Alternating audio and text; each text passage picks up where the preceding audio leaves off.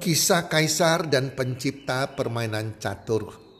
Hai para pendengar podcast di mana pun Anda berada saat ini Doa dan harapan saya semoga Anda sekeluarga dalam keadaan sehat walafiat Dan selalu berbahagia bersama keluarga.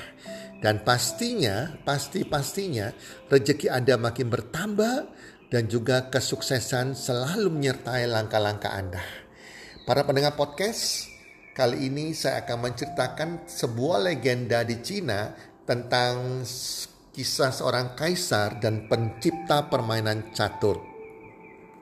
Menurut legenda, ada seorang kaisar Cina yang tergila-gila pada suatu permainan baru. Namanya permainan catur. Karena itu, sang kaisar begitu sukanya permainan catur ini dan dia berniat memberikan hadiah kepada pencipta permainan catur ini. Ia memanggil si pencipta permainan catur ke istana raja. Ia lalu mengumumkan ke dewan kerajaan bahwa dia akan memberikan hadiah kepada si pencipta permainan catur ini. Satu permintaan hadiah apa pun yang diminta akan diberikan oleh sang kaisar. Berkatalah si pencipta permainan catur ini dengan kerendahan hati, saya sangat merasa mendapatkan kehormatan yang mulia.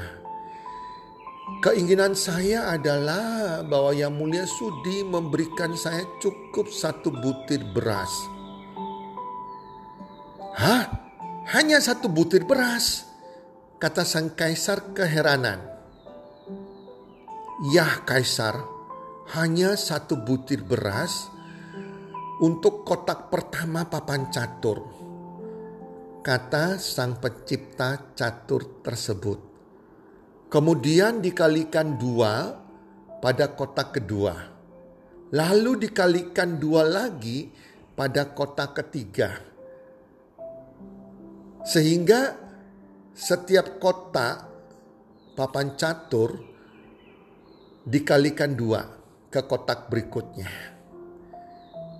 Begitu seterusnya sehingga mencakup keseluruhan kotak yang ada di papan catur yaitu sebanyak 64 kotak di papan catur. Itulah permintaan saya yang sangat sederhana yang mulia. Sang kaisar merasa sangat gembira.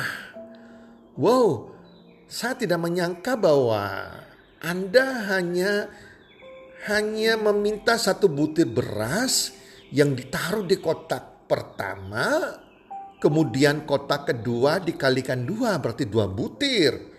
Kotak ketiga dikalikan dua berarti jadi empat butir. Kotak keempat dikalikan dua lagi jadi delapan butir. Kotak kelima kalikan dua lagi jadi enam belas butir dan seterusnya. Begitu demikian kan? Wah kalau begitu Wow, saya telah mendapatkan permainan yang begitu menyenangkan dengan harga yang sangat murah. Kaisar berkata, "Apakah kamu tidak salah permintaan kamu ini? Karena hanya menaruh butir-butir beras, saya bisa dan itu tidak banyak. 64 kotak akan terisi. Di gudang saya itu punya berkarung-karung beras." Ya benar Kaisar, itu yang saya minta. Mengisi butiran beras tersebut di 64 kotak papan catur yang di mana setiap kotak dikalikan dua. Wow, Kaisar berkata dalam hati, pasti para leluhur saya sekarang ini sedang tersenyum kepada saya. Begitu bodohnya ini si pencipta papan catur ini dikasih suruh milih hadiah, malah minta beras yang ditaruh di papan catur. Kata sang kaisar, baiklah. Pengawal tolong bawakan beras, satu karung beras, dan bawa ke sini. Dan hari ini kita sepakat bahwa saya akan mengabulkan memberikan semua beras yang bisa terisi di 64 papan catur tersebut.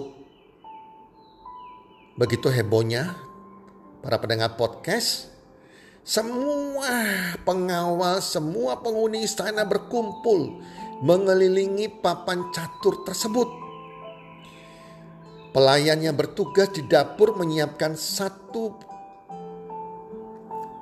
tas ya, yang sangat besar sekali ibaratnya satu karung beras dibawakan kepada si pencipta catur tersebut. Sang pencipta tersenyum lalu mulai membuka tas atau karung beras tersebut.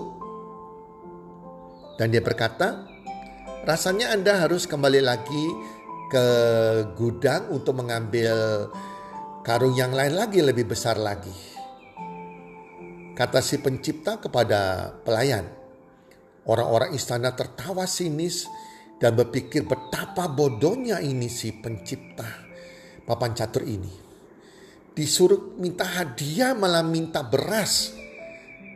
Beras yang bisa terkumpul di 64 papan catur tersebut.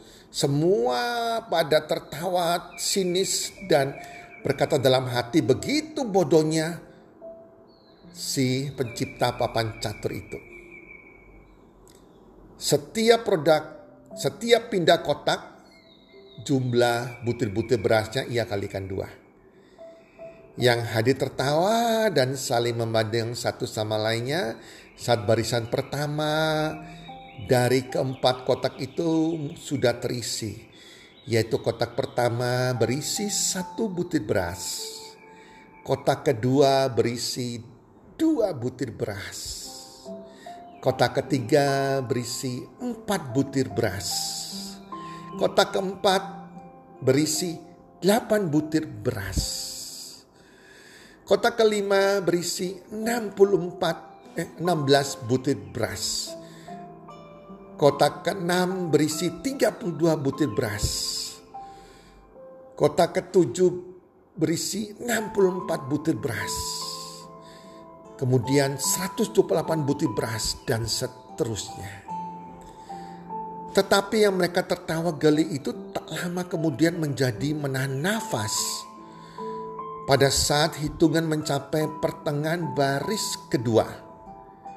Ternyata gundukan kecil beras setelah dikalikan dua segera menjadi beras dalam tas-tas kecil kemudian dikalikan dua lagi menjadi beras di kantong lebih besar lagi dan kemudian dikalikan dua lagi sehingga menjadi satu karung beras yang sangat besar sekali. Pada akhir baris kedua, barulah sang kaisar menyadari bahwa dia telah membuat sebuah kesalahan yang besar. Ternyata butir-butir butir-butir beras yang harus dia berikan kepada si pencipta kalau dihitung jumlahnya adalah 32.768 butir beras. Padahal masih ada sisa 48 kotak lagi yang belum dihitung. Sang kasar meminta untuk menghentikan permainan ini sementara. Ia lalu memanggil para pakar matematika di negeri itu para ahli matematika itu kemudian datang dan mulai mengocok alat sempoanya. Sempoa adalah alat hitung matematika kalkulator zaman dulu. Kemudian mereka menuliskan angka-angkanya di papan. Setelah berdiskusi sekian lama, akhirnya para ahli matematika mencapai kesepakatan. Sebutir beras yang dikalikan dua untuk setiap kotak. Sehingga pada 64 buah kotak papan catur akan berjumlah 18 juta triliun butir beras. Jumlah ini sama dengan jumlah beras yang ada di dunia ini dikalikan 10. Sang kaisar segera menghentikan demonstrasi ini lalu ia menawarkan sesuatu yang sulit ditolak oleh si pencipta. Syaratnya sang kaisar harus dibebaskan dari janjinya. Dan tawaran itu berupa lahan persawahan seluas 100 hektar. Tentu saja si pencipta papan catur menerimanya dan melepaskan membebaskan janji sang kaisar tersebut. Dengan senang hati ia menerima 100 hektar lahan pertanian persawahan. Semua orang memuji si pencipta papan catur tersebut dan mengucapkan selamat atas kebijaksanaan dan kecerdasannya. Cerita selanjutnya, si pencipta tersebut hidup bahagia berkat lahan yang diterimanya itu. Selama bertahun-tahun sampai selamanya, dia hidup dengan penuh kecukupan dan kemewahan. Teman-teman,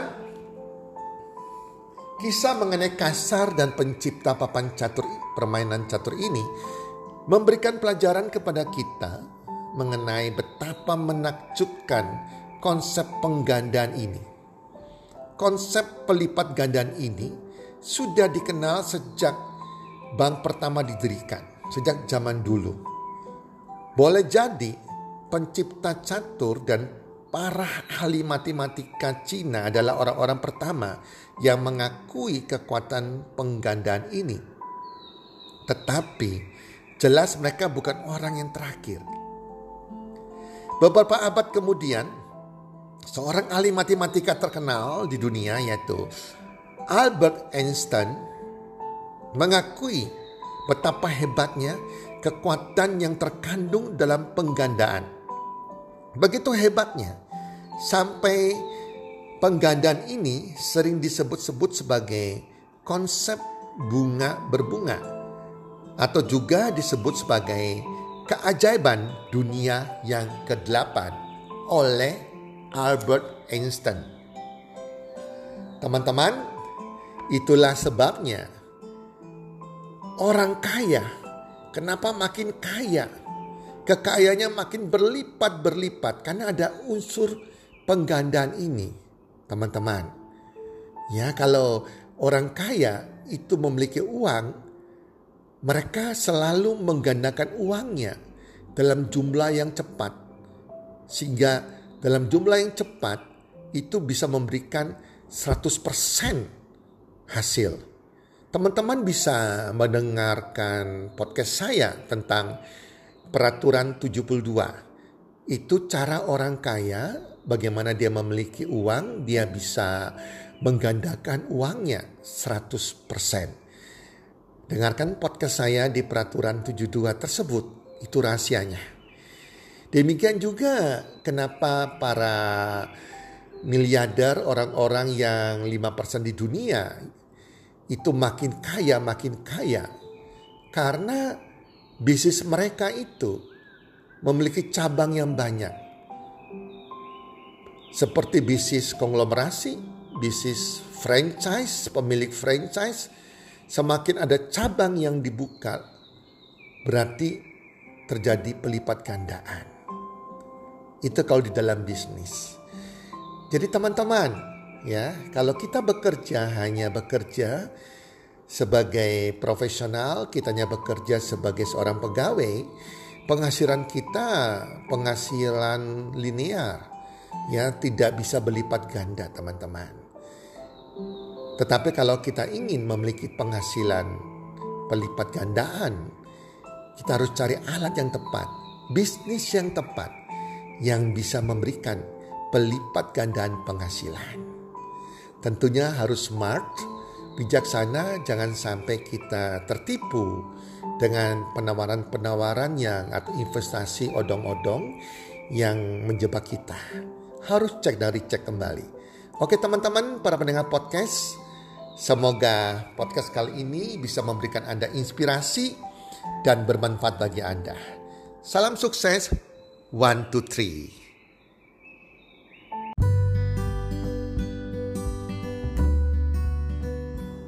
Terima kasih sudah mendengarkan podcast kami. Teman, jika Anda rasa bermanfaat podcast kami ini, Anda bisa menginfokan kepada rekan kerja Anda, keluarga Anda, teman ataupun sahabat Anda. Dan jika ada hal-hal yang Anda ingin tanyakan kepada kami ataupun topik-topik apa yang Anda ingin kami bawakan, kami sampaikan, Anda bisa DM kami di Instagram kami Health Community 123.id. Salam 123, salam sehat, sejahtera dan bahagia.